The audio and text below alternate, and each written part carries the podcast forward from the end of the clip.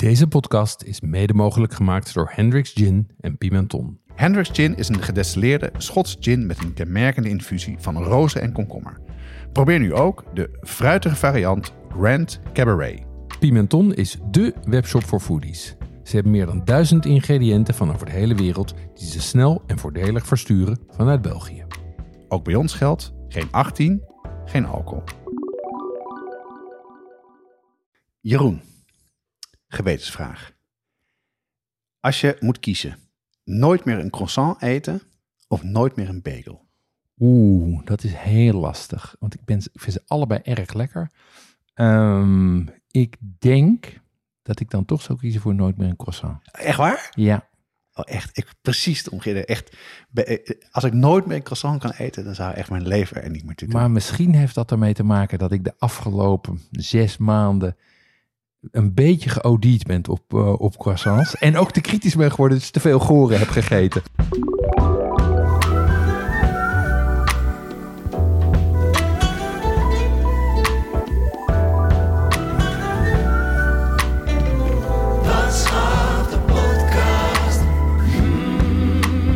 Jeroen die heeft twee jaar geleden stage gelopen bij de bakker Gebroeders Niemeyer in Amsterdam. Ehm, is zelf ook inmiddels aan het bakken geslagen. En met je Niemeyer ervaring, Jeroen, was het natuurlijk een eitje om croissants te maken. Ja, dat dacht ik. Ehm, maar dat viel niet mee, eh, Jonas. Ehm, ik heb dat overigens niet alleen gedaan. Ik heb dat met mijn oudste zoon gedaan. En ik zou zeggen, na twintigtal pogingen bakken we inmiddels aardige croissants. Zes en halfjes, zeg maar. Echt waar? Ja, dat belooft goed. Ja. Nou, Jeroen gaat vertellen over de verschillende recepten die hij heeft geprobeerd. Wat er allemaal mis kan gaan. Kan er veel misgaan? Eh. Don't get me started yet. Eh, en waar je moet beginnen als je zelf op dit glibberige pad wil begeven van het maken van de croissants. Ja, en eh, in het supplement vertel ik jullie over mijn bezoek aan Parijs, de hoofdstad van de croissants. Dat is inmiddels wel een paar maanden geleden, maar het is denk ik leuk om jullie even bij te praten over wat er allemaal gebeurt op dit moment. Ja, we hebben een lange aflevering, veel informatie. Eh, normaal zouden we nu een drankje drinken. Eh, dat eh, gaan we vanaf dit seizoen iets anders doen. Ja, We gaan een drankje drinken als we iets bijzonders hebben of als het echt heel goed past bij het onderwerp. En zeker als we veel andere dingen te bespreken hebben, dan slaan we hem af en toe over, zoals deze keer. Ja, en ik heb genoeg andere dingen te bespreken. Ehm, eh, het eerste is dat ik, ik ben sowieso even aan de bak. Ehm, en eh, eh, ik- met mijn eh, vorige project ben ik geïnspireerd geraakt door een... eh, ik was bij een productlancering van Le Pain Quotidien. Oh, de bak als in bakken. Aan de bak, ja, ja, ja. ja. Ik denk, wat bedoelt hij nou? Aan de, aan de bak. Ja? Ehm, met, eh, bij Le Pain Quotidien. Oké. Dit is een, een keten, een Belgische keten die inmiddels wereldwijd zit met Nou, brood. Kennen de meeste mensen wel. denk ik. Ja, die hadden Een, een, een high protein brood met heel veel proteïne erin.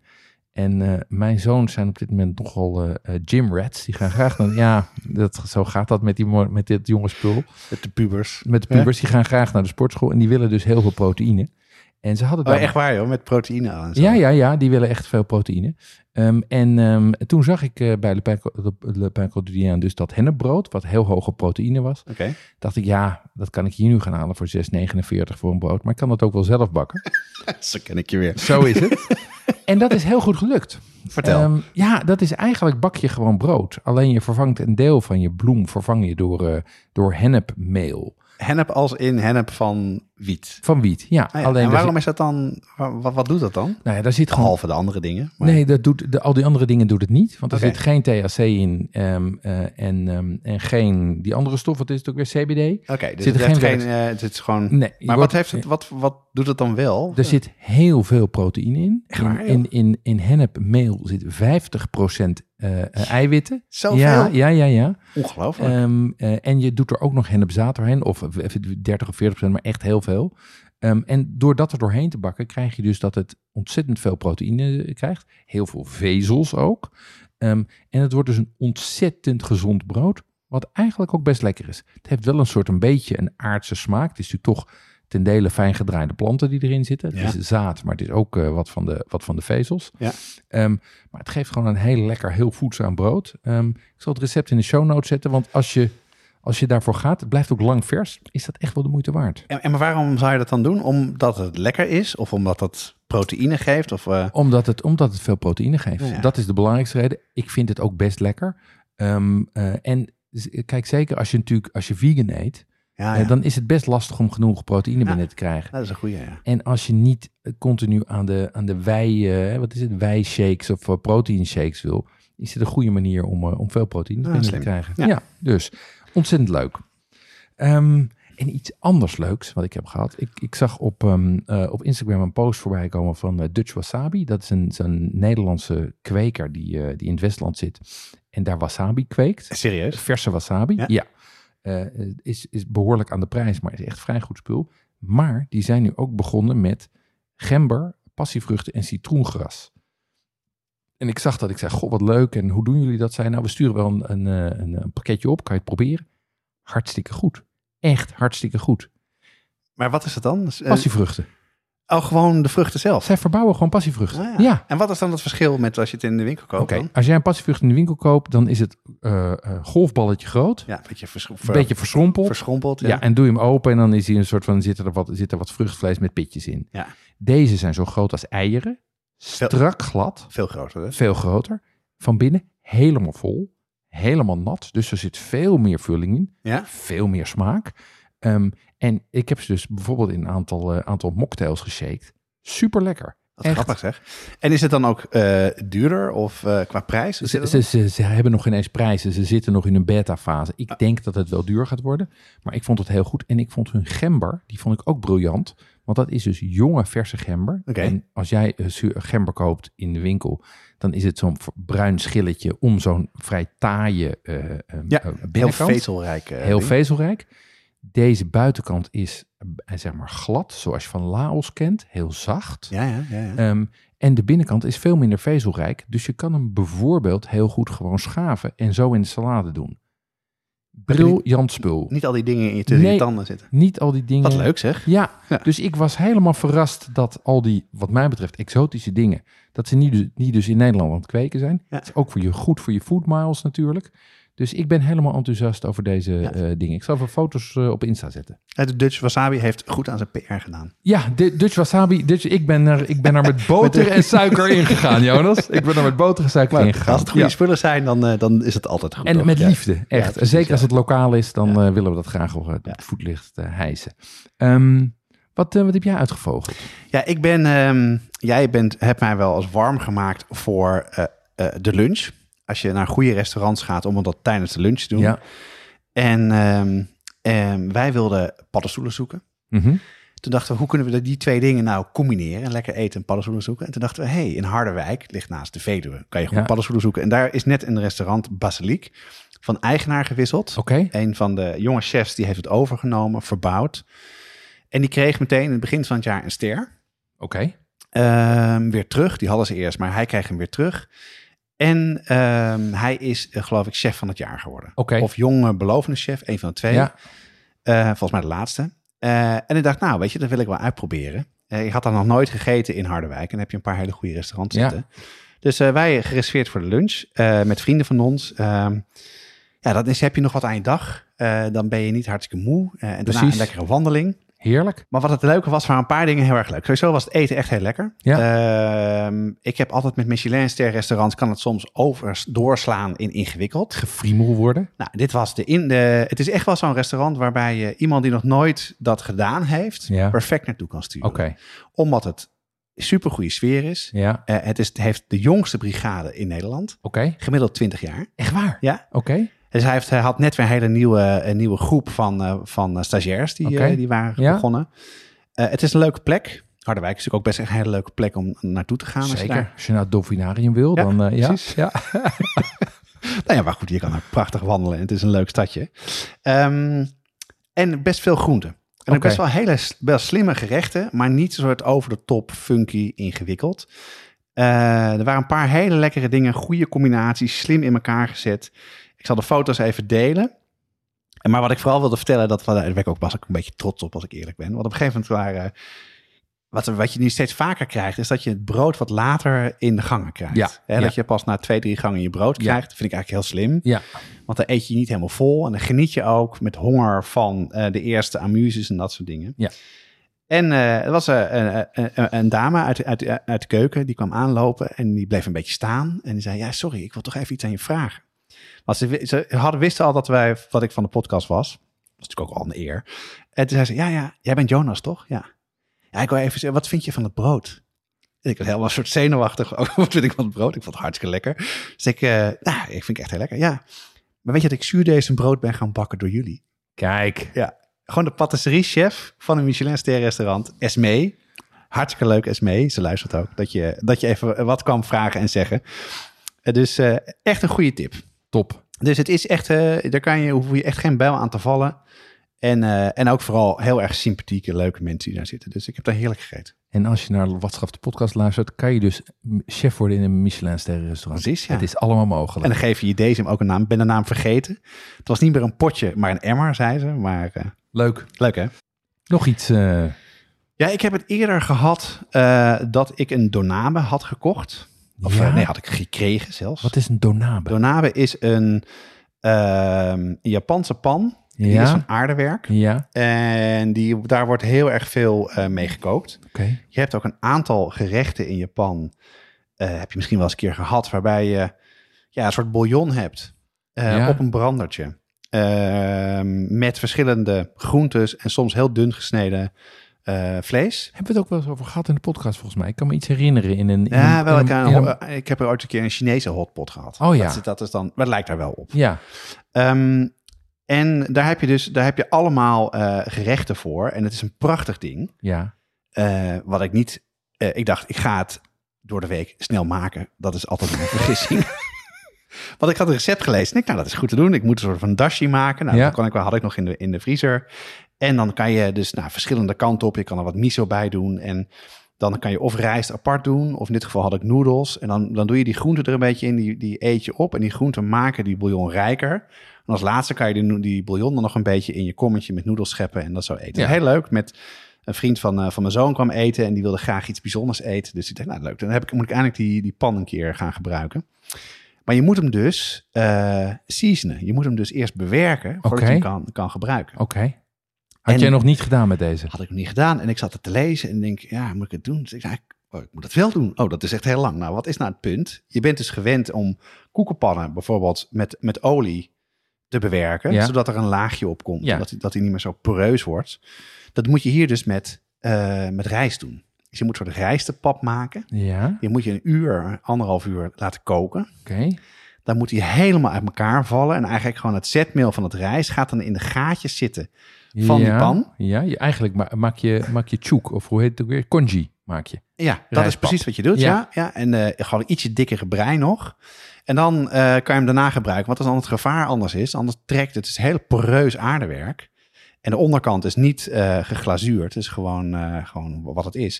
Dus ja, als het daarin trekt, dan gaat die, die, die geur of smaak er nooit meer uit. Ook belangrijk, als je hem dus wast en niet goed droogt en je zet hem op het vuur, dan knapt hij kapot. Maar goed, het ging goed. En het is echt top, want dat is ook een prachtig mooi ding. Ja, En net zoals een tagine, dat, natuurlijk, dat Ja. doet- doet ook wat met het eten. ja. Eh aardewerk kapot. Ga ik binnenkort ook mijn, eh mijn kaasfondue in maken. Nice. Dus eh was echt heel top. Ik heb een mooi kookboek ook bij, bij gevonden. De namenkookboek met allemaal leuke recepten. Echt lekker Japanse repertoire weer verder Ja, en, en win- winters lijkt me ook. Het is wel zo winters. Ja, dus het is wel ja. lekker voor de herfstdingen. En je hebt natuurlijk helemaal niet zo'n pan nodig om het te kunnen maken. Kun je ook gewoon een normale pan doen. Ja. Of in je, in je pan waar je bijvoorbeeld je, je kaasfondue in maakt. Heel eh, goed. Ben ik toch gaan fondue, Jeroen? En, en, en, en, en even, eh, kan niet op inductie. Hoe doe je dat dan? Nee, nee ik heb nog eh, dat de, de, de vaste luisteraar die bijvoorbeeld eh, gebakken rijst heeft geluisterd, weet dat ik een apart, specifiek ehm gaststelletje heb. Special Project gastelletje? Ja, die ja. dus eh, flinke hoge eh, vermogen heeft. Ja. Nou, die heb ik op tafel gezet. Oh, nice. Ziet er ook gezellig uit. Ja. Leuk. Super Japansig. Donabe.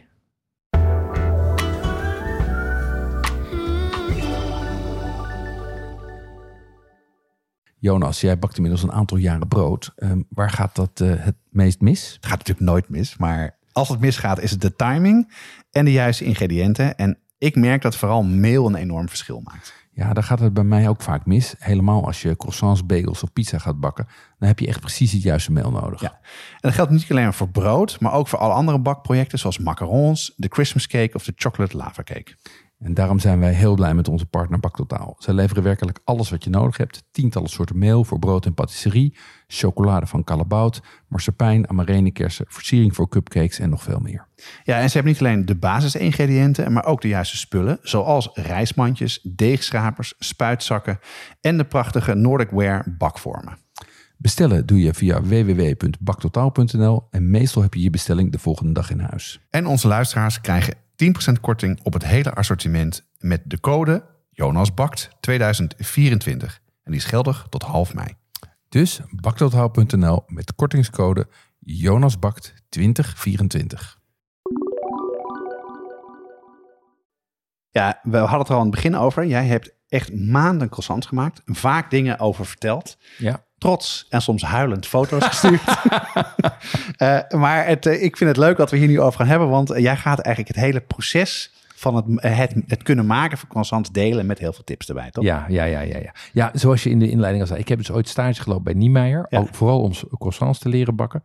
Hard um, aanpoten. Dat, dat was, uh, ja, ik geloof dat ik om, om, half vier moest beginnen daar of zoiets. Ja. S ochtends. Um, dat waren toen de beste croissants van de stad. Um, en mijn zoon die, die had een tussenjaar en die verveelde zich wat. En die zei, ik wil croissants gaan bakken. En ik zei vol vertrouwen, oh, tuurlijk gaan we even doen met z'n tweeën. ik, ik blaakte van zelfvertrouwen. Oh ja? Was het zo makkelijk dan? Nou, kijk. Of heb je geen zelfvertrouwen meer? Nou, nee, dit, dit, was, dit was niet goed voor mijn ego. um, uh, uh, maar wel goed voor je nederigheid. Voor mijn nederigheid. croissants bakken thuis is echt verschrikkelijk moeilijk. Oh ja? Echt, ja, Oh ja, het is echt heel erg Oké, ik moeilijk. ga daar lekker voor zitten. Ehm, er, zijn, er zijn ontzettend veel factoren om rekening te houden. Er zijn allemaal dingen die, eh, die, die route in het eten kunnen gooien. Dus ik ben nu inderdaad wel wat nederiger. ehm, en heb zeer veel respect voor mijn, eh, voor mijn zoon. Die zeker net zo goed is als ik inmiddels. Ja. Ehm, dus dat was, een, eh, dat was een, eh, een, een stukje persoonlijke ontwikkeling. Maar hoe ben je dan van de top van de bergen in het dal gedonderd? nou ja, wat, Of hoe ben je nederig geworden? ja, kijk, de, de aanleiding was dat mijn zoon zich verveelde. En hij had op YouTube allemaal croissant filmpjes gezien. Maar Ja. hij had geen recept. Eh, Ehm, eh, oh, dat herken ik heel erg. Want Ja. volgens mij had A- Alex had toen zo'n filmpje, Ja. zo'n serie. Exact. Dacht, oh, dat kan ik ook, dacht Ja, ik. precies. Ehm, en toen vroeg hij mij dus om een, om een beginpunt. Ehm, eh, en toen heb ik hem in eerste instantie gezegd van nou, laten we beginnen met een recept van Claudia Damen uit vers deeg. Ja. Ehm, die bakt heel toegankelijk, heeft Ja, mooie ja. foto's. En, en we hebben onder andere van haar op de site een recept staan van uh, melanzane parmigiana. Dus dat leek mij een goed begin. Ik heb ook van die, wat ik net al zei, van die films gekeken. Het is niet makkelijk om croissants te maken. Mhm. Was dat ook zo? Nou, Was eh, dat met het recept ook zo? da- was dat te doen? Kijk, wij dachten, eh, we, hebben, eer- we hebben eerder haar briochebollen gemaakt. Ja, ja. Eh, eh, en ehm, eh, dat was een succes. Dus de verwachting was van, nou ja, goed, dan, dan zijn croissants ook goed te doen. Ja. Ehm, maar, maar croissants bleken toch iets anders dan briochebollen. ja, Dat vreesde ik al, ja. Goed, voordat we verder gaan. Ik denk goed om heel eventjes eh, stil te staan eh, bij wat de perfecte croissants is. Waar, waar werk je naartoe? Eh, ook om even te checken of we een beetje dezelfde mening hebben over Ja. daarover. Begin jij eerst, want jij bent hier lang mee bezig ja geweest. en ik, dat beeld is bij mij ook duidelijker geworden. En je wordt ook ehm, explicieter in wat je goed vindt. Zeg Oh ja? maar. ja, want Oh ja. Je, je, je gaat natuurlijk kritisch naar allerlei croissants kijken. Voor mij begint het met een mooi bol. eh, eh, een mooie bolle vorm. Ja? Ehm, met zichtbare laag. Ik wil aan de buitenkant, aan de randjes van de deeg ook kunnen zien dat er lagen in zitten. Ah ja, dus, ja, ja. Ehm, dus aan de buitenkant. aan de buitenkant, Ja, ja. ja. Ehm, dan vind ik het belangrijk dat de, de puntjes, dat die krokant zijn. Daar had eh, de dame van eh eh, Way Coffee Roasters in Gent het ook over. Ja, die hebben gezegd, wij maken alleen maar puntjes eigenlijk. Ehm, en ik wil een dunne krokante buitenlaag. Niet dik, maar dun. Eigenlijk een soort schilletje wat er omheen zit. nou, wat je er zo af kan pellen. Precies. Ja. Ja. en dat pellen is goed, want je wil, als je hem uit elkaar trekt, dan wil je dat hij in elastische, luchtige delen uit elkaar trekt. In een soort vlokken, zeg maar. Een soort Ah, wattenplukken bijna. En- qua smaak? En qua smaak wil je smaak dat hij naar boter, goede boter smaakt. En naar deeg. Gewoon rijk, beetje brioche-achtig deeg, zeg maar. Ja. Dus vanilletonen en, en dat soort dingen. Ehm, ja, dat is, dat is wat ik lekker vind. Wat, wat is jouw, wa- wat is jouw eh, ideale? Nou, wat ik, wat ik heel, heel maf vind, is dat... ehm, je had het over Niemeyer. Ja, Eh, die had toen eh, de perfecte croissant. ja. En er was toen een hele test in het parool geweest Mhm. daarover. Daar ben ik die ook gaan halen, ook omdat wij natuurlijk met Niemeyer de aflevering gemaakt hebben. En het een hele leuke man vindt. En zou iemand mijn geld gun als ik daar naartoe ga en er knethard aan werken. Die vond ik dus heerlijk. Ja. Toen was ik daarna ergens aan het eten en toen nam ik een hap en ik, dat vind ik gewoon heel vies. Ja. Dus het, je herkent heel erg wat je zegt. Je, je, je standaard verandert. En voor mij, ik, ik ga heel ver in je mee. Ehm, ik, maar voor mij mag je ook echt heel erg lekker krokant zijn. Dus ik vind dat, dat, dat, dat, dat mondgevoel, dat krokante heel erg lekker, die lagen. Mhm. Eh, dat, dat deegachtige trekken en ook Ja. een beetje een deegige smaak vind ik juist soms wat minder. Oh, dat hoef je juist niet. Ja, soms is het te veel. Soms is het... Dus bij mij is het vooral mondgevoel, eh, een beetje. En vooral die krokante buitenkant, maar je, daar kan je er ook te ver in doorslaan, want dan kan verbranden en dan is het eigenlijk niet lekker meer. Ja. En, eh, maar dan, als je daar op een gegeven moment naar croissants kijkt, dan, dan valt veel af, eh, jammer genoeg. Dus dan ga jij het bijvoorbeeld zelf maken, toch? Ja, nee. Ehm, wij zijn dus begonnen met zelf maken. En ik moet zeggen, na een paar pogingen kwamen er prima croissants uit. Oké. Ehm, beter dan wat je in de supermarkt vindt.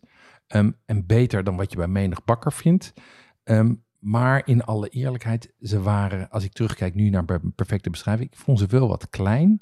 Ik vond ze niet strak genoeg. En het lukte niet altijd. Dus het was een soort van. Het was, het was, de output was niet, niet consistent Ja, eigenlijk. en niet, niet te voorspellen dan ook. Als nee, je- precies. Ja, ja. Precies. En je, weet- dan ene keer mislukt het en dan wist je niet zo goed waarom. Exact. Ah, exact. Ja, ja. Hoe kwam het dan? Ja, da- da- dat was Als je dus, er nu naar terugkijkt. Ja, dat, was dus niet duidelijk. Kijk, we volgden het recept op de letter. Echt letterlijk, waar? met Ja. alle tijden, alles erbij. En soms kwam het er dan goed uit en soms kwam het er minder goed uit. Maar eigenlijk hadden we geen aanknopingspunten om te troubleshooten. We wisten niet hoe beslissingen of dingen die we in het halverwege het proces deden, hoe die het eindproces beïnvloeden. Ja? Dus daarbij hadden we was een soort van. Ik bedoel, het was, ik- laat ik vooropstellen, het was allemaal wel echt lekker. Maar het was niet die perfecte croissants die ik jou net beschreef. Ja, en natuurlijk, eh, ik kan me heel goed voorstellen dat het moeilijk is, want eh, de croissant maak je van bladerdeeg. Ja, dat klopt. Dat is boter en deeg. En dat niet voor niets, dat niet heel, heel veel mensen dat zelf thuis maken. Ehm, en ik had het net over die serie van, eh, van Alex, de French guy. En die heeft op een gegeven moment zijn eigen eh, machine gemaakt om ervoor te zorgen dat dat bladerdeeg goed gemaakt wordt. Het lamineren. Eh, een laminoir heet dat. dat, eh, laagjes over elkaar Ja. krijgen, evenwichtig met boter en deeg doen. Ik heb al vaker gevraagd, heb je zo'n apparaat gemaakt of niet? Maar dat, dat heb je niet gedaan. Je bent het zelf gaan doen, toch? Ja, ja, ja. Maar gewoon handmatig. Handmatig. Hoe? Maar mis- ja, laat ik eerst even uitleggen hoe überhaupt dat proces Ja, van, van, van, van, van bladerdeeg maken gaat. Je hebt twee soorten bladerdeeg. Je hebt gewoon bladerdeeg, wat je gebruikt voor, eh, eh, in de, eh, voor, voor taarten en dat soort dingen. Ja? En je hebt gerezen bladerdeeg. En dat is wat je gebruikt voor viennoiserie. Dus voor pain au chocolat, voor croissants, dat soort dingen. Dus dat zijn twee aparte. Dus als je bladerdeeg in de, supermarkt koopt uit het vriesvak, is geen gerezen kan dat niet gaan reizen. Nee, dat, dat- gaat omhoog omdat, het, omdat er een beetje eh, vet tussen zit en dan vervormt het wat. Maar het is geen gerezen deeg. Er zit geen niet echt gist of Zit- zo in. precies. Ah, oké. Ehm, dat wist ik helemaal niet. Croissants maak je dus van gerezen bladerdeeg. En dat is eigenlijk een verrijkt brooddeeg Ja? waar je lage boter tussen aanbrengt. Is dat dan iets als een brioche, verrijkt en, en panettone? Dat er dus dat er dat gistdeeg is Klopt. met rijk gemaakt met boter, met meer eieren of met meer room of melk? Is dat ja, dan? precies. Dat, dat is is dan het deegstuk? Ja, het, is, het deegstuk is inderdaad dat. Het is een brooddeeg Ah, met boter, eigeel en soms suiker of melk. Er zit dus ook bo- boter in het deeg. Boter in het deeg en boter tussen het deeg. Oh, oké, ik dacht dat dat wat Het tussen is een- zat. Het is, Ja. een, het is een boterfeest. Ehm, Maar waarom is dat dan... Waarom is dat zo moeilijk dan? Ja, Want dat, dat denk ik. Dat, Ja, dat, om, omdat het, het moeilijke is eigenlijk dat je, dat je twee processen hebt die ingewikkeld zijn. Je hebt de complicaties van het brooddeeg. Ja? We hebben wel afleveringen gemaakt over brooddeeg. Maar daar, dat is niet, dat, dat is best ingewikkeld. En je hebt de complicaties van het lamineren. En die twee beïnvloeden elkaar. Dus de een kan de ander versteren en Gelukkig. vice versa. Ja, maar het is echt broodbakken in het kwadraat dit. ja, maar dat is misschien wel goed om even, heel even bij stil te staan. Want niet iedereen bakt brood. Ja, Vorige aflevering eh, over hamburgers heb ik zelf mijn hamburgersbuns gemaakt. Daar zei ik vol trots, ach, dat is allemaal niet zo ingewikkeld. Maar dat komt natuurlijk wel omdat ik vaker uh, zuurdees en brood Ja. maak. Nou, een paar dingen die ingewikkeld met brooddeeg zijn, eh, eh, is aan de ene kant de glutenzetting. ja, Hè, dus uiteindelijk, eh, brood is, eh, daar zit lucht in. Dat lucht wil je in dat brood hou- houden. En de gluten, een soort van netwerkstructuur, een soort ballon, houdt het bij elkaar. Mhm. Ehm, en het moet reizen. Ja. Dus je wil die gluten hebben om dat lucht bij elkaar te houden. En het reizen om er lucht in te hebben. En reizen zorgt ook voor smaakontwikkeling. En uiteindelijk het eindresultaat waar je het doet. En dat is dus heel erg afhankelijk. Het eerste glutenzetting is hoe kneed je het? Ja. Wat voor meel gebruik Correct. je? Eh, wat voor temperaturen zijn daar van belang? Nou, luister een van onze drie afleveringen over zuurdesem. dus dat is de ene kant. Ja. En de andere kant is het reizen. En dat is echt ingewikkeld. Hè, tijd, temperatuur. Maar vooral ook, eh, hoe weet je nou of het goed is? Ja. Hè, dat is er ook een kwestie van... eh, goede bakkers voelen aan het brood of het goed is, of de structuur goed is, of hij glad is, of hij niet te nat is. Dus eh, dat kwam allemaal er nog extra bij, eh, toch of niet? D- dat- is de basis. En dan ga je dus lamineren. En dan ga je daarbij ga je, ja, precies. Ja, ja, ja, dus kijk, de eerste stap is het maken van een brooddeeg. Dat doe je gewoon met bakkersgist. Dat kneed je met boter en eigeel. En dan krijg je een eerste reis. Eh, Tot is- zover, dit is, dit is bladerdeeg maken. Tot zover begrijpen wij het proces als broodbakkers. Is dat makkelijk? Eh, Zijn daar nog dingen waar je op moet letten? Is nou dat, ja, dat, eh, alle punten die wij net noemden, van glutenzetting en reizen. Maar Ja. dat is, als je dat, maar anders dan dat, is dat relatief makkelijk. Oké. Ja, ja. Maar eh, is het, luistert net zo nauw als zuurdesem of iets simpeler? Het luistert net zo nauw als deze. Nee, het is, het is makkelijker, want je gebruikt, je gebruikt bakkersgist. Ja, Dus dat is iets, voorspe- iets, iets voorspelbaarder. Ja. Ehm, En het duurt, duurt, gaat sneller, hè? het gaat sneller, precies. Het kan sneller gaan. Ehm, ja, maar dan heb- en dan laat je hem dus reizen. En na de eerste reis ga je toeren. En toeren is het, is het eigenlijk is het, het vouwen van de boter ertussen. En wat je doet is je maakt een dunne plak boter van ongeveer 25 bij 30 Hoe centimeter. doe je dat dan? Eh, door hem tussen, ehm, tussen eh, vetvrij papier te doen en uit te rollen. Ja. Er zijn verschillende methodes voor, maar dat is de meest gebruikelijke. Ehm, en je rolt je brooddeeg uit, wat je dus hebt laten rijzen. Ja. En daarmee pak je die boter in. Eigenlijk als een soort, een soort envelop die je eromheen Ja, vouwt. dus mensen die veel naar bijvoorbeeld ehm, Heel Holland Bakt kijken, is vaak, je hebt eerst het, eh, de deeglap, Ja, boter daaroverheen, ja, dubbel vouwen tot een envelop, eh, kwartslag draaien, ja. eh, uitrollen en dan nog een keer Ja. dubbel vouwen en dan ook geloof ik het aantal keer vingers erin drukken voor als je het nog laat rusten, dat je weet hoe vaak je het getoerd hebt. Dat, dat, Dat vingers drukken heb ik nooit Dat gedaan, maar, maar dat is precies. Het is een tip om te zien hoe vaak heb je hem, heb je hem in elkaar geslagen en, eh, en gedraaid. Oké. Ehm, en Deed je Dan- nog wat van mij? En dan heb je dus bladerdeeg dat één keer gerezen is. Want vervolgens ga je dus in twee rondes, want jij noemt het terecht. Je, kan, je gaat dus eerst pak je het in, dan vouw je hem dubbel. Laat je hem even rusten, dan vouw je hem nog een keer in. Ja, ja. En dan heb je dus zeg maar, heb je je twee rondes toeren gehad. Oh, dat is maar twee.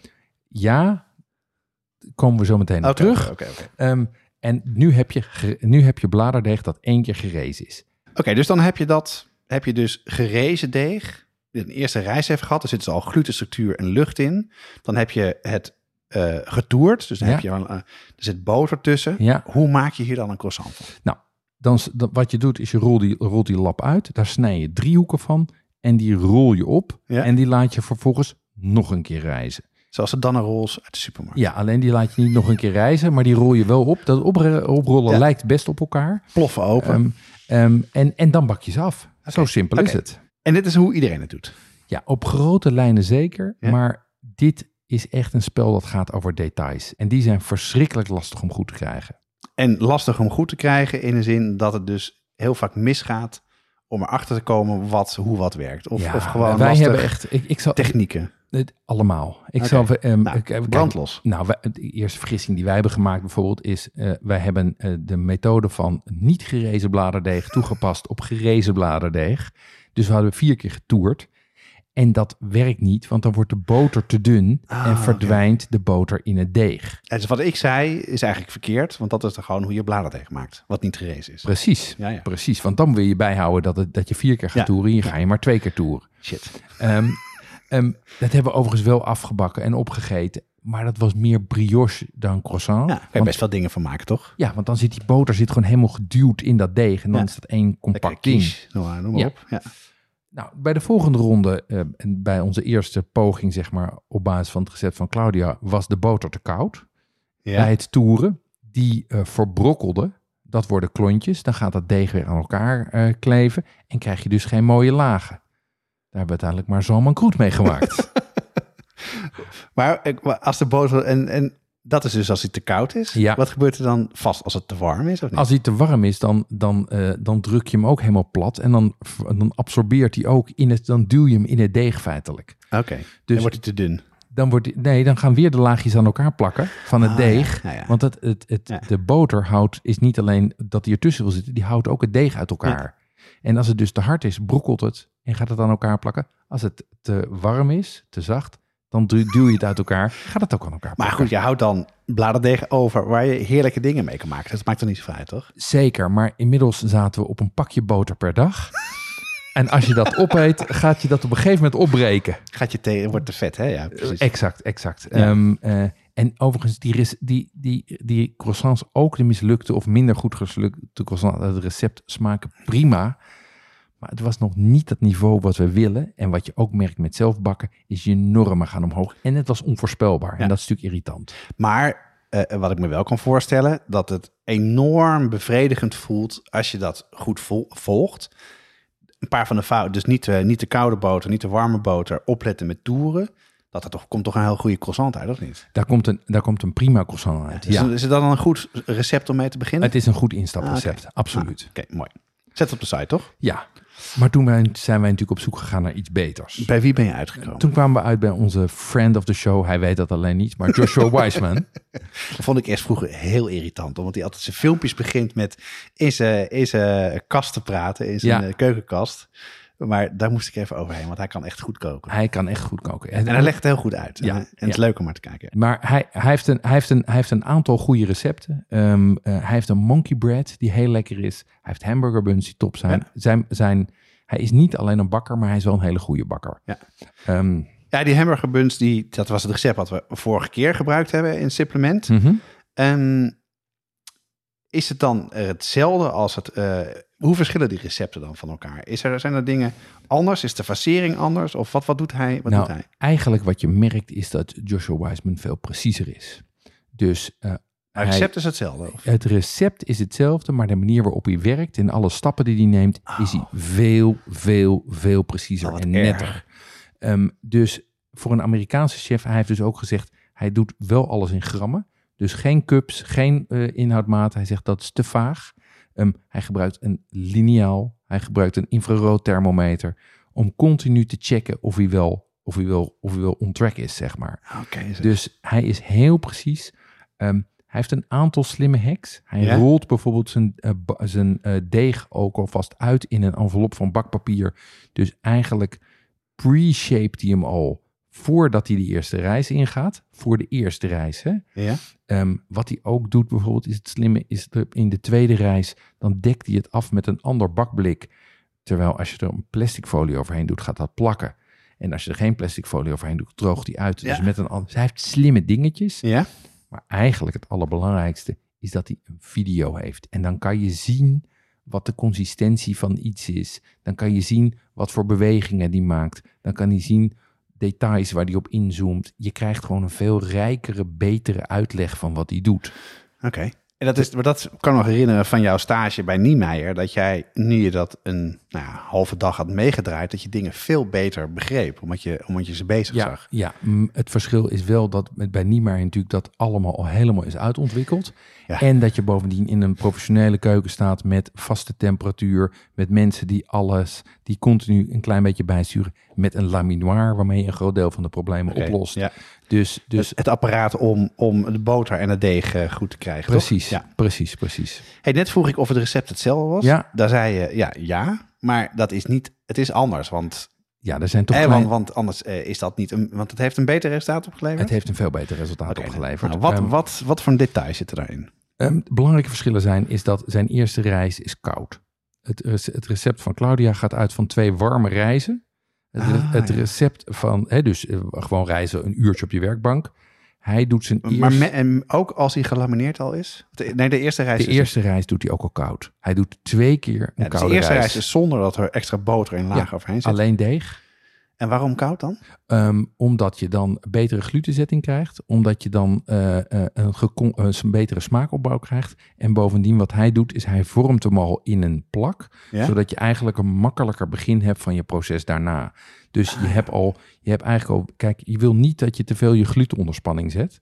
Want dan krijg je je boter er niet goed tussen. En als je natuurlijk een deel van die glutenspanning al hebt weggewerkt door het te pre-shapen in de koelkast en hem daar te laten rusten, is dat winst. Ja. Kleine dingetjes. Ja. Ehm, hij laat veel meer rusten en legt hem veel vaker in de koelkast. En waarom dan de koel- de koelkast? Omdat, daarmee, eh, omdat je daarmee de boter weer terugkoelt. Oh ja. Het, eh, en bovendien eh, vertraag je rijzingsprocessen. Dus, dus Meer, eigenlijk meer controle in tijd dan. meer controle in tijd. Ja. Continu stabiliseren in de koelkast. Ja? Ehm, en hij legt heel goed uit hoe het zit met de consistentie van het deeg en het boter. En dat is belangrijk voor die laagjes, toch? Ja, En want, en de ja, knapperigheid. want om goed te begrijpen wat je dus wil, is dat heb ik net ook al gezegd, is je wil dat je lage deeg en boter, die leg je op elkaar. En die ga je vervolgens met druk erop uitrollen.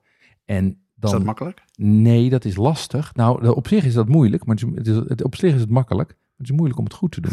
Ja, nou, maar wat, wat is er dan? Nee, het lijkt redelijk straightforward. Het is een wat koudere lap uit Ja. de koelkast. Ja. Eh, je hebt je boter ook goed gedaan. Ik denk dat het even een beetje pielen is, maar op een gegeven moment heb je dat wel in de gaten. Ja, Waarom is dat dan zo moeilijk om dat goed evenwijdig goed te krijgen, goed ja, verdeeld. Waarom, ja, waar, waar, Ja. Zit, waar zit hem in? Nou, nou, kijk, wa- wat je natuurlijk wil is dat die, verde- is dat die laagjes ongeveer gelijkmatig zijn. Dus dat als je hem gaat uitrollen, dat die in het midden van de lap even dik is als aan de andere kant van de, eh, van de lap. vandaar, dus de, vandaar de lineaal. Vandaar, en, en nou, vandaar vooral laminoir. Maar wat je nee, maar dus dat, je, dat dus de dikte en, eh, van de boter en het deeg overal even dik is. En dat even, van, el- van elk laagje even dik is. dat is het punt, ja.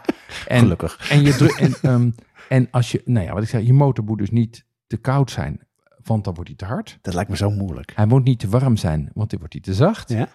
En nu komt het verneukeratieve. Het deeg, dat moet elastisch zijn, want je wil dat het gaat rijzen. Maar niet te elastisch, want anders als je gaat uitrollen, dan trekt het gewoon weer terug. Wat je van je pizza's ook wel Oh, kent. natuurlijk, ja. Dat je hem uitrekt en dat hij zoing als een elastiek terugschiet.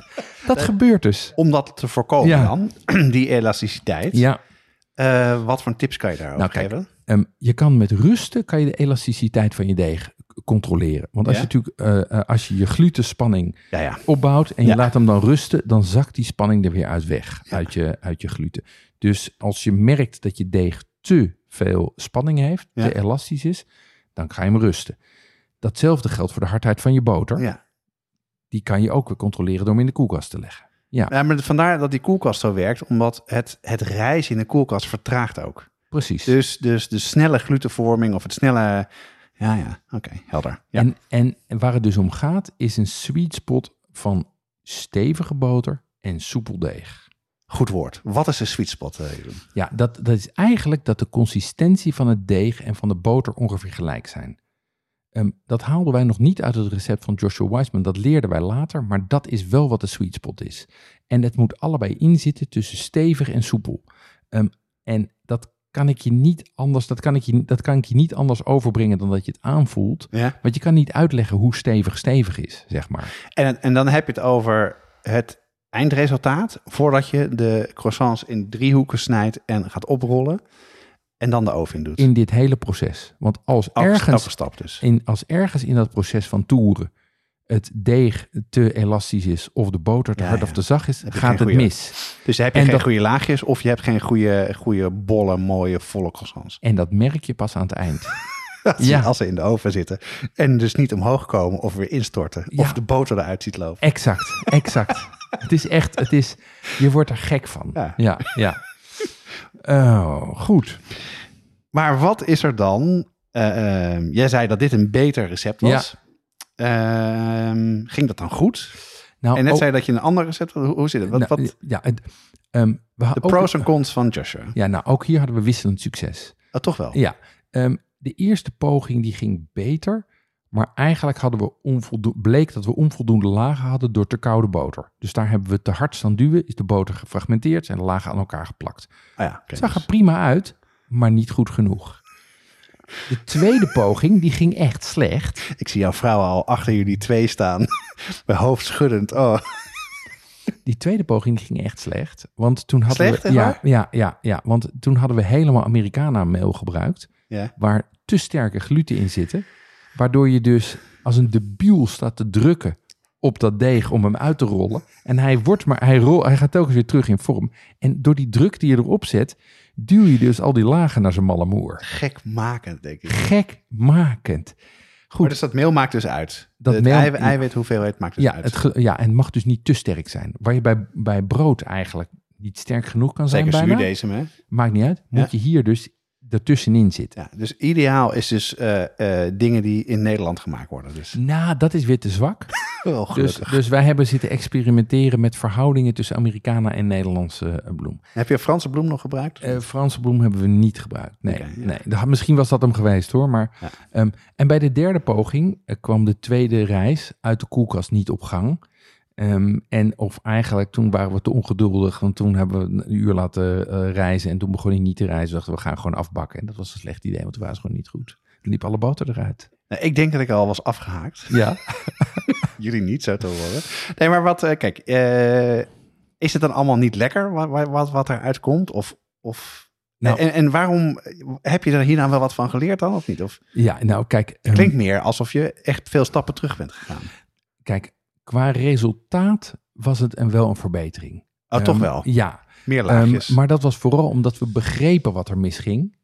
Niet, Ah, oh, ik bedoel, niet, het, kijk, het brood was ook beter. Maar, ehm, maar we begrepen nu ook beter wat er misging.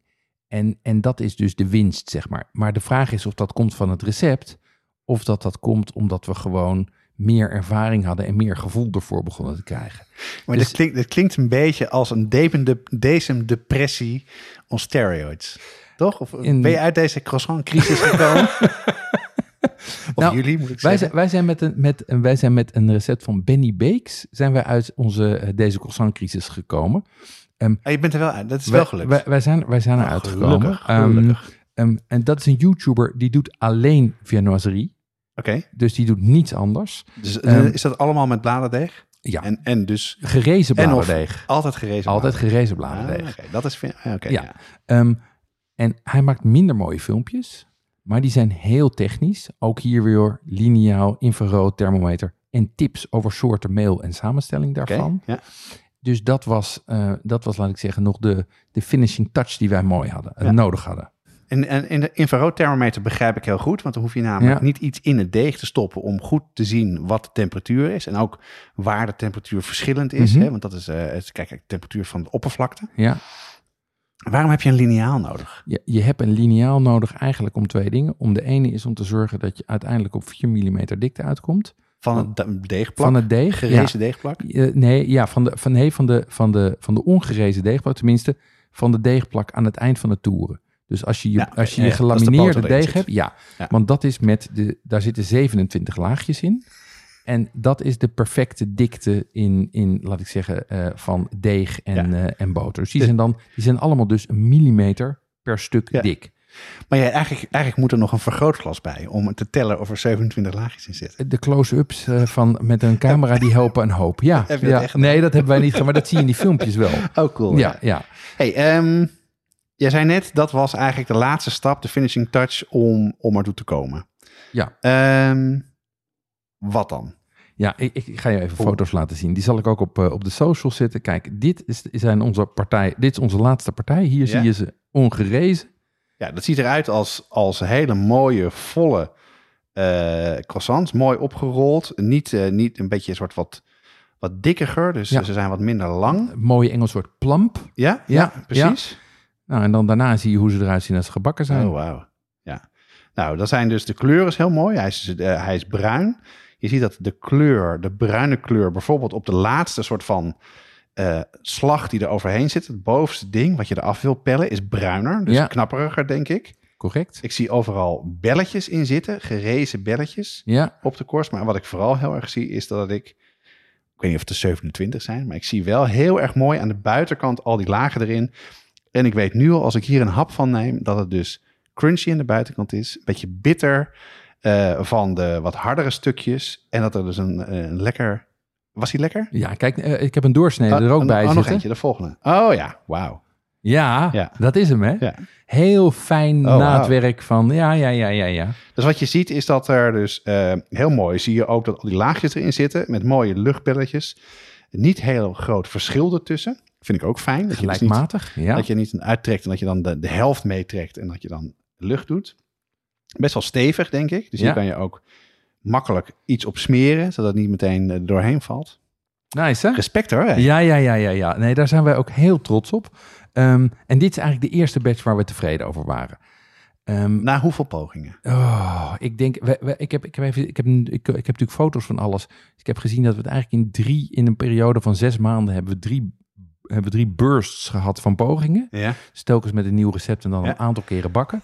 Dus ik denk dat we gauw op eh, de, tussen, de, tussen de 10 en de 20 pogingen zitten. ja, dus 20, 20 pakjes boter. Het, oh, ah, precies, ja. Ehm, maar, maar, en overigens zaten met John, bij, Jo- bij eh, Benny Beeksta hadden we ook weer beslis, eh, mislukkingen. Ja. Maar nu begrepen we telkens waarom het misging. Dus Ja. we konden al achteraf, als we het fout, de fout zagen, konden we zeggen, ah, dan hebben we daar dus te hard geduwd, hebben we daar, eh, zijn we te snel gaan kneden, wat dan ook. Dus dat zijn de soorten, de, dat, dat is dan de winst die je maakt. Oké, dus je bent nu op een recept gekomen of een combinatie van recepten, Ja. maar vooral allemaal tips. Ja, Waar ik wel benieuwd naar ben, want het klinkt als complex, maar ultra bevredigend als het lukt. zeker. En heel lekker. En heel lekker.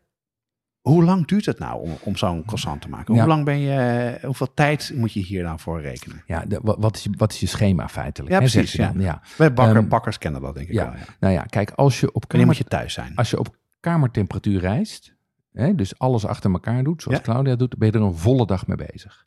Oh, En heb je, dus, eh, eh, eh, en heb je dus s'avonds om half zeven verse croissants. Maar dat wil je niet. Nee, heel Nee. ochtends.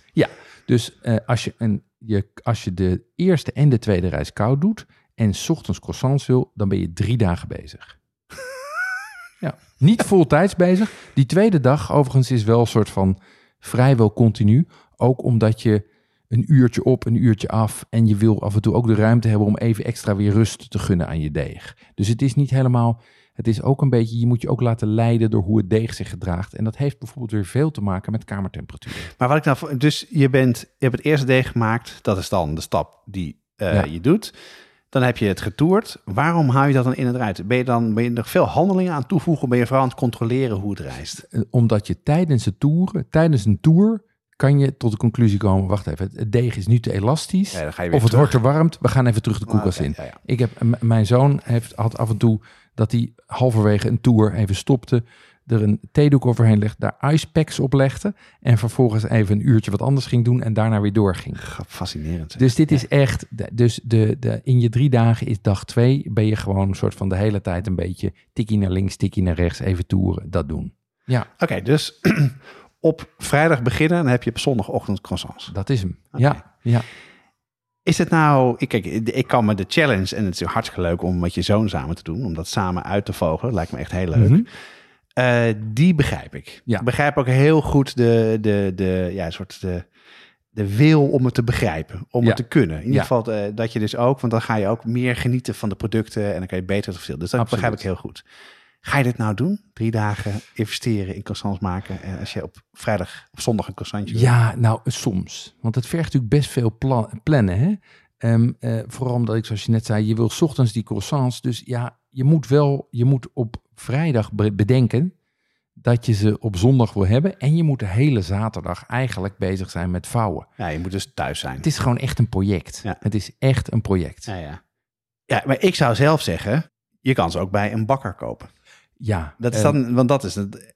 dat is Heb je daar goede tips voor? Ja, zeker. Ehm, eh, als je een goede bakker in de buurt hebt zitten ehm, en je gaat gewoon voor effect, dan is halen echt veel makkelijker. Ja. Ehm, en we hebben aan onze eh, Instagram-volgers gevraagd waar je de beste croissants kan halen. En daar kwam een heel lijstje uit. Zullen we die even doornemen? Ja, daar kwamen ontzettend veel dingen uit. Hartstikke leuk ook dat iedereen dat gedaan heeft.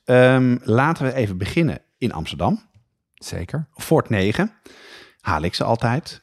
Eh, Grammes kende ik niet. En Niemeyer, Oelmoes om de hoek bij Fort 9 en Le, Le Fournil de Sebastien. Dat zijn eigenlijk de, de dingen die het meest genoemd worden in Amsterdam. Ehm, in Den Haag hadden we ook twee tips. Bartine en eh, Pompernikkel. Ja. Ehm, in Leiden noemden mensen Mami Gourmande. In Groningen heb je een broodje van eigen deeg. En in Rotterdam heb je croissants. Dat is op zijn Rotterdams met een K en een Z. Yes. En opvallend vond ik dat er twee tips waren in Amersfoort. De croissant hoofdstad van, eh, van Utrecht. Ehm, Elsenburg en Sebastiani, dat is Ja. één zaak. Eh, en Proof Bakery. Ja, in Maartensdijk heb je Landweert. In Maastricht heb je eh Wek in Bude, zit er net boven. En in Gent is de tip, ga naar The Bakery. Ja, we zullen al deze tips even op de site zetten en op Insta posten. Ehm, wat ook opvallend, va- eh, opvallend was, was dat Crisp vaak genoemd werd. De bezorgdienst. Ja, dat, dat, dat, eh, want dat, die tip heb ik ook heel veel gekregen, ook van vrienden. Ja, Eh, die zijn bevroren, toch? Heb jij die geprobeerd? of niet? ja, ja dat, zijn, dat zijn diepvriescroissants. Ehm, ze zijn net geswitcht van eh, leverancier. Ehm, en ik heb even contact met ze gehad. Ehm, en het interessante is, dat ze zijn diepvries. Maar wat goed is om je daarbij te realiseren... is dat veel bakkers uit het lijstje hierboven...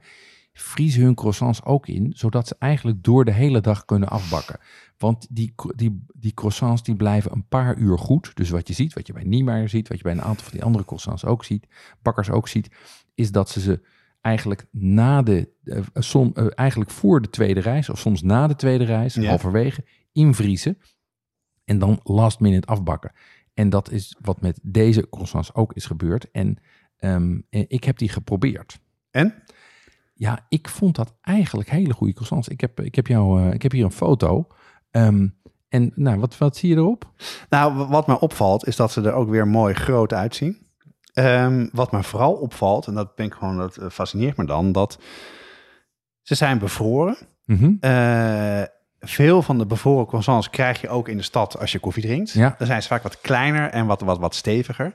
En deze ziet er dus echt uit, zoals jou net ook liet zien, eh, als een mooie, volle, grote croissant. En ook een heel mooie binnenkant. Want dat lijkt me dan met, eh, met vriezen ingewikkeld. Ja, Hoe, hoe kan dat dan? nou, Wat, wat vond jij daarvan? De, ik, ik vond ze ook heel goed. Ik was echt aangenaam verrast. Ik heb wel vaker diepvries croissants, omdat dat soort van, nou ja, toch de, de, de, de laat ik zeggen, optimaal is tussen gebruiksgemak en, eh, en kwaliteit. Optimaal voor zondag. Ja, voor zondag, als je het niet van tevoren hebt bedacht en niet op vrijdag bent begonnen.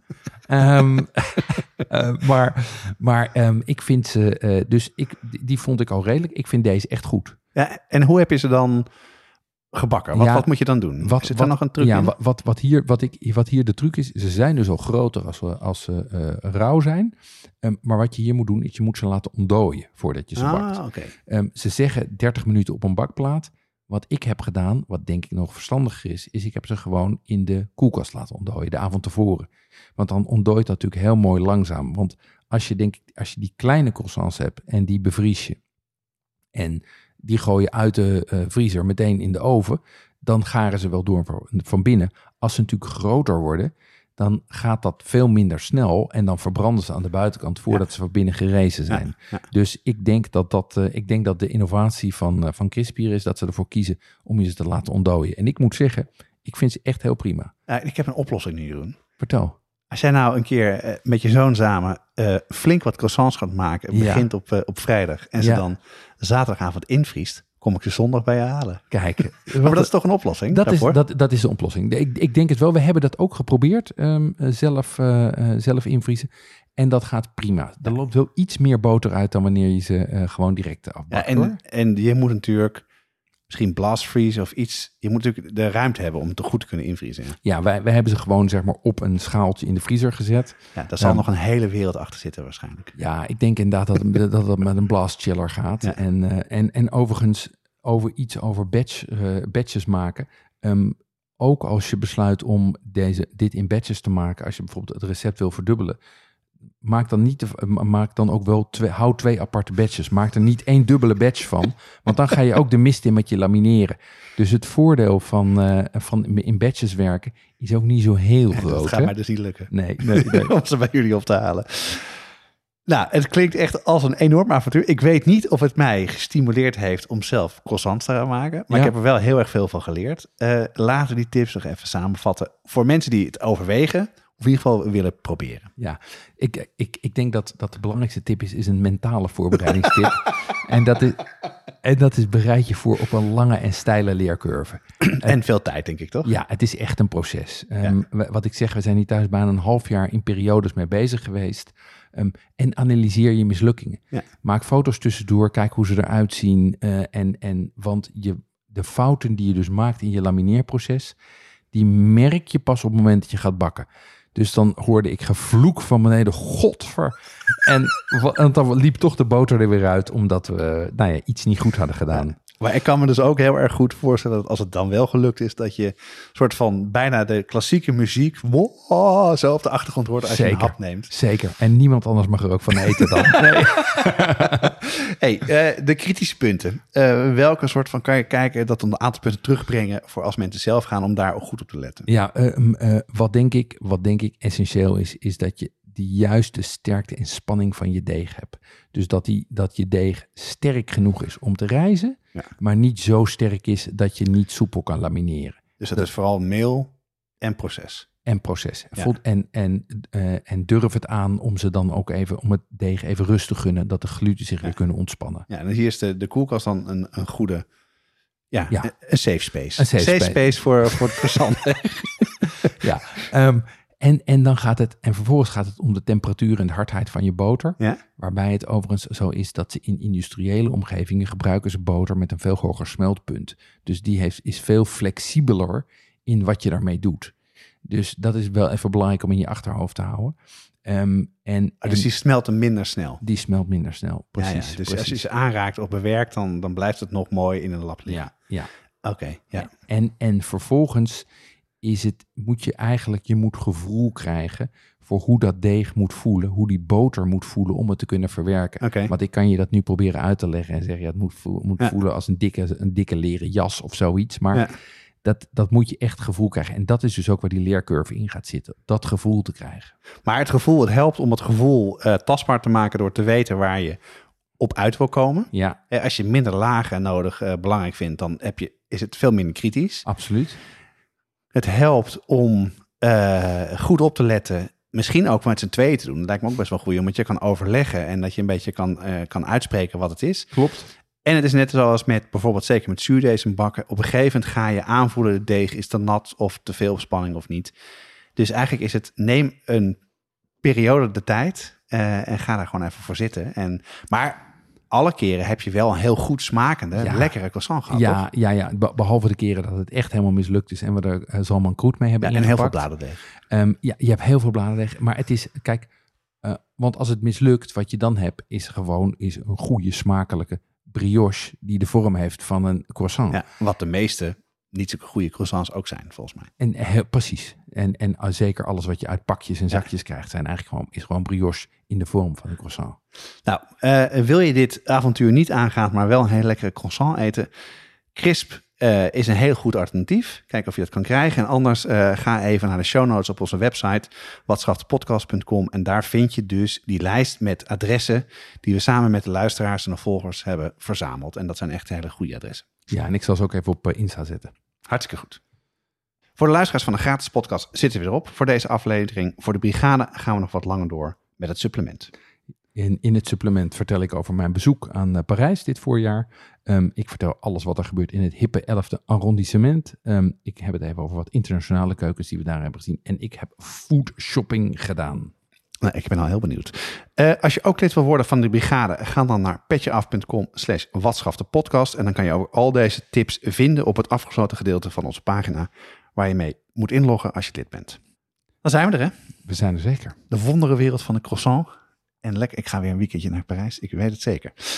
Deze podcast wordt gemaakt door Jonas Nouwen en Jeroen Doucet. De, het team bestaat uit Natasja Roda, Annie Tazelaar, Paul Veldkamp en Jesse Burkunk. De muziek is gecomponeerd door Nico Bransen en Ton Dijkman en wordt uitgevoerd door Mel en Vintage Future. Bonjour. Au revoir.